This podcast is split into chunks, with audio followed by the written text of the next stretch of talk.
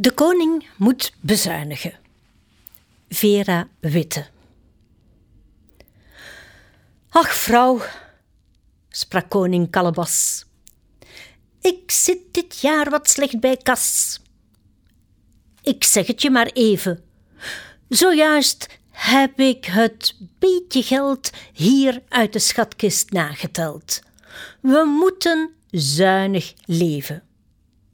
Dat komt in orde, lieve schat. We eten broodjes zonder wat, sprak koningin Adine. En alle auto's doen we weg. Dat lijkt me zo verstandig, zeg. Dat spaart ons weer benzine. Ja, dat idee is wel geschikt, maar, sprak de koning wat verschrikt. Maar moeten we dan lopen? Ach, stakker, zegt de koningin. Maar wacht, daar valt me weer iets in. We gaan servies verkopen. Dat zware eetservies van goud, die kale drukte, laat ons koud. Wat kan het ons ook bommen?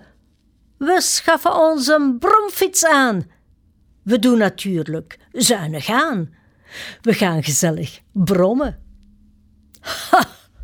Riep de koning. Jippie, dat is een reuze goed idee. Nu voel ik me weer fleurig. Er werd gehandeld en gebeld. De bromfiets werd al gauw besteld. Hij was in één woord keurig. De koningin, zo blij als iets, sprong bij de koning op de fiets. Ze bromde langs de wegen. Ja, ja, sprak zijn majesteit, we wennen wel aan zuinigheid. Het valt me echt niet tegen.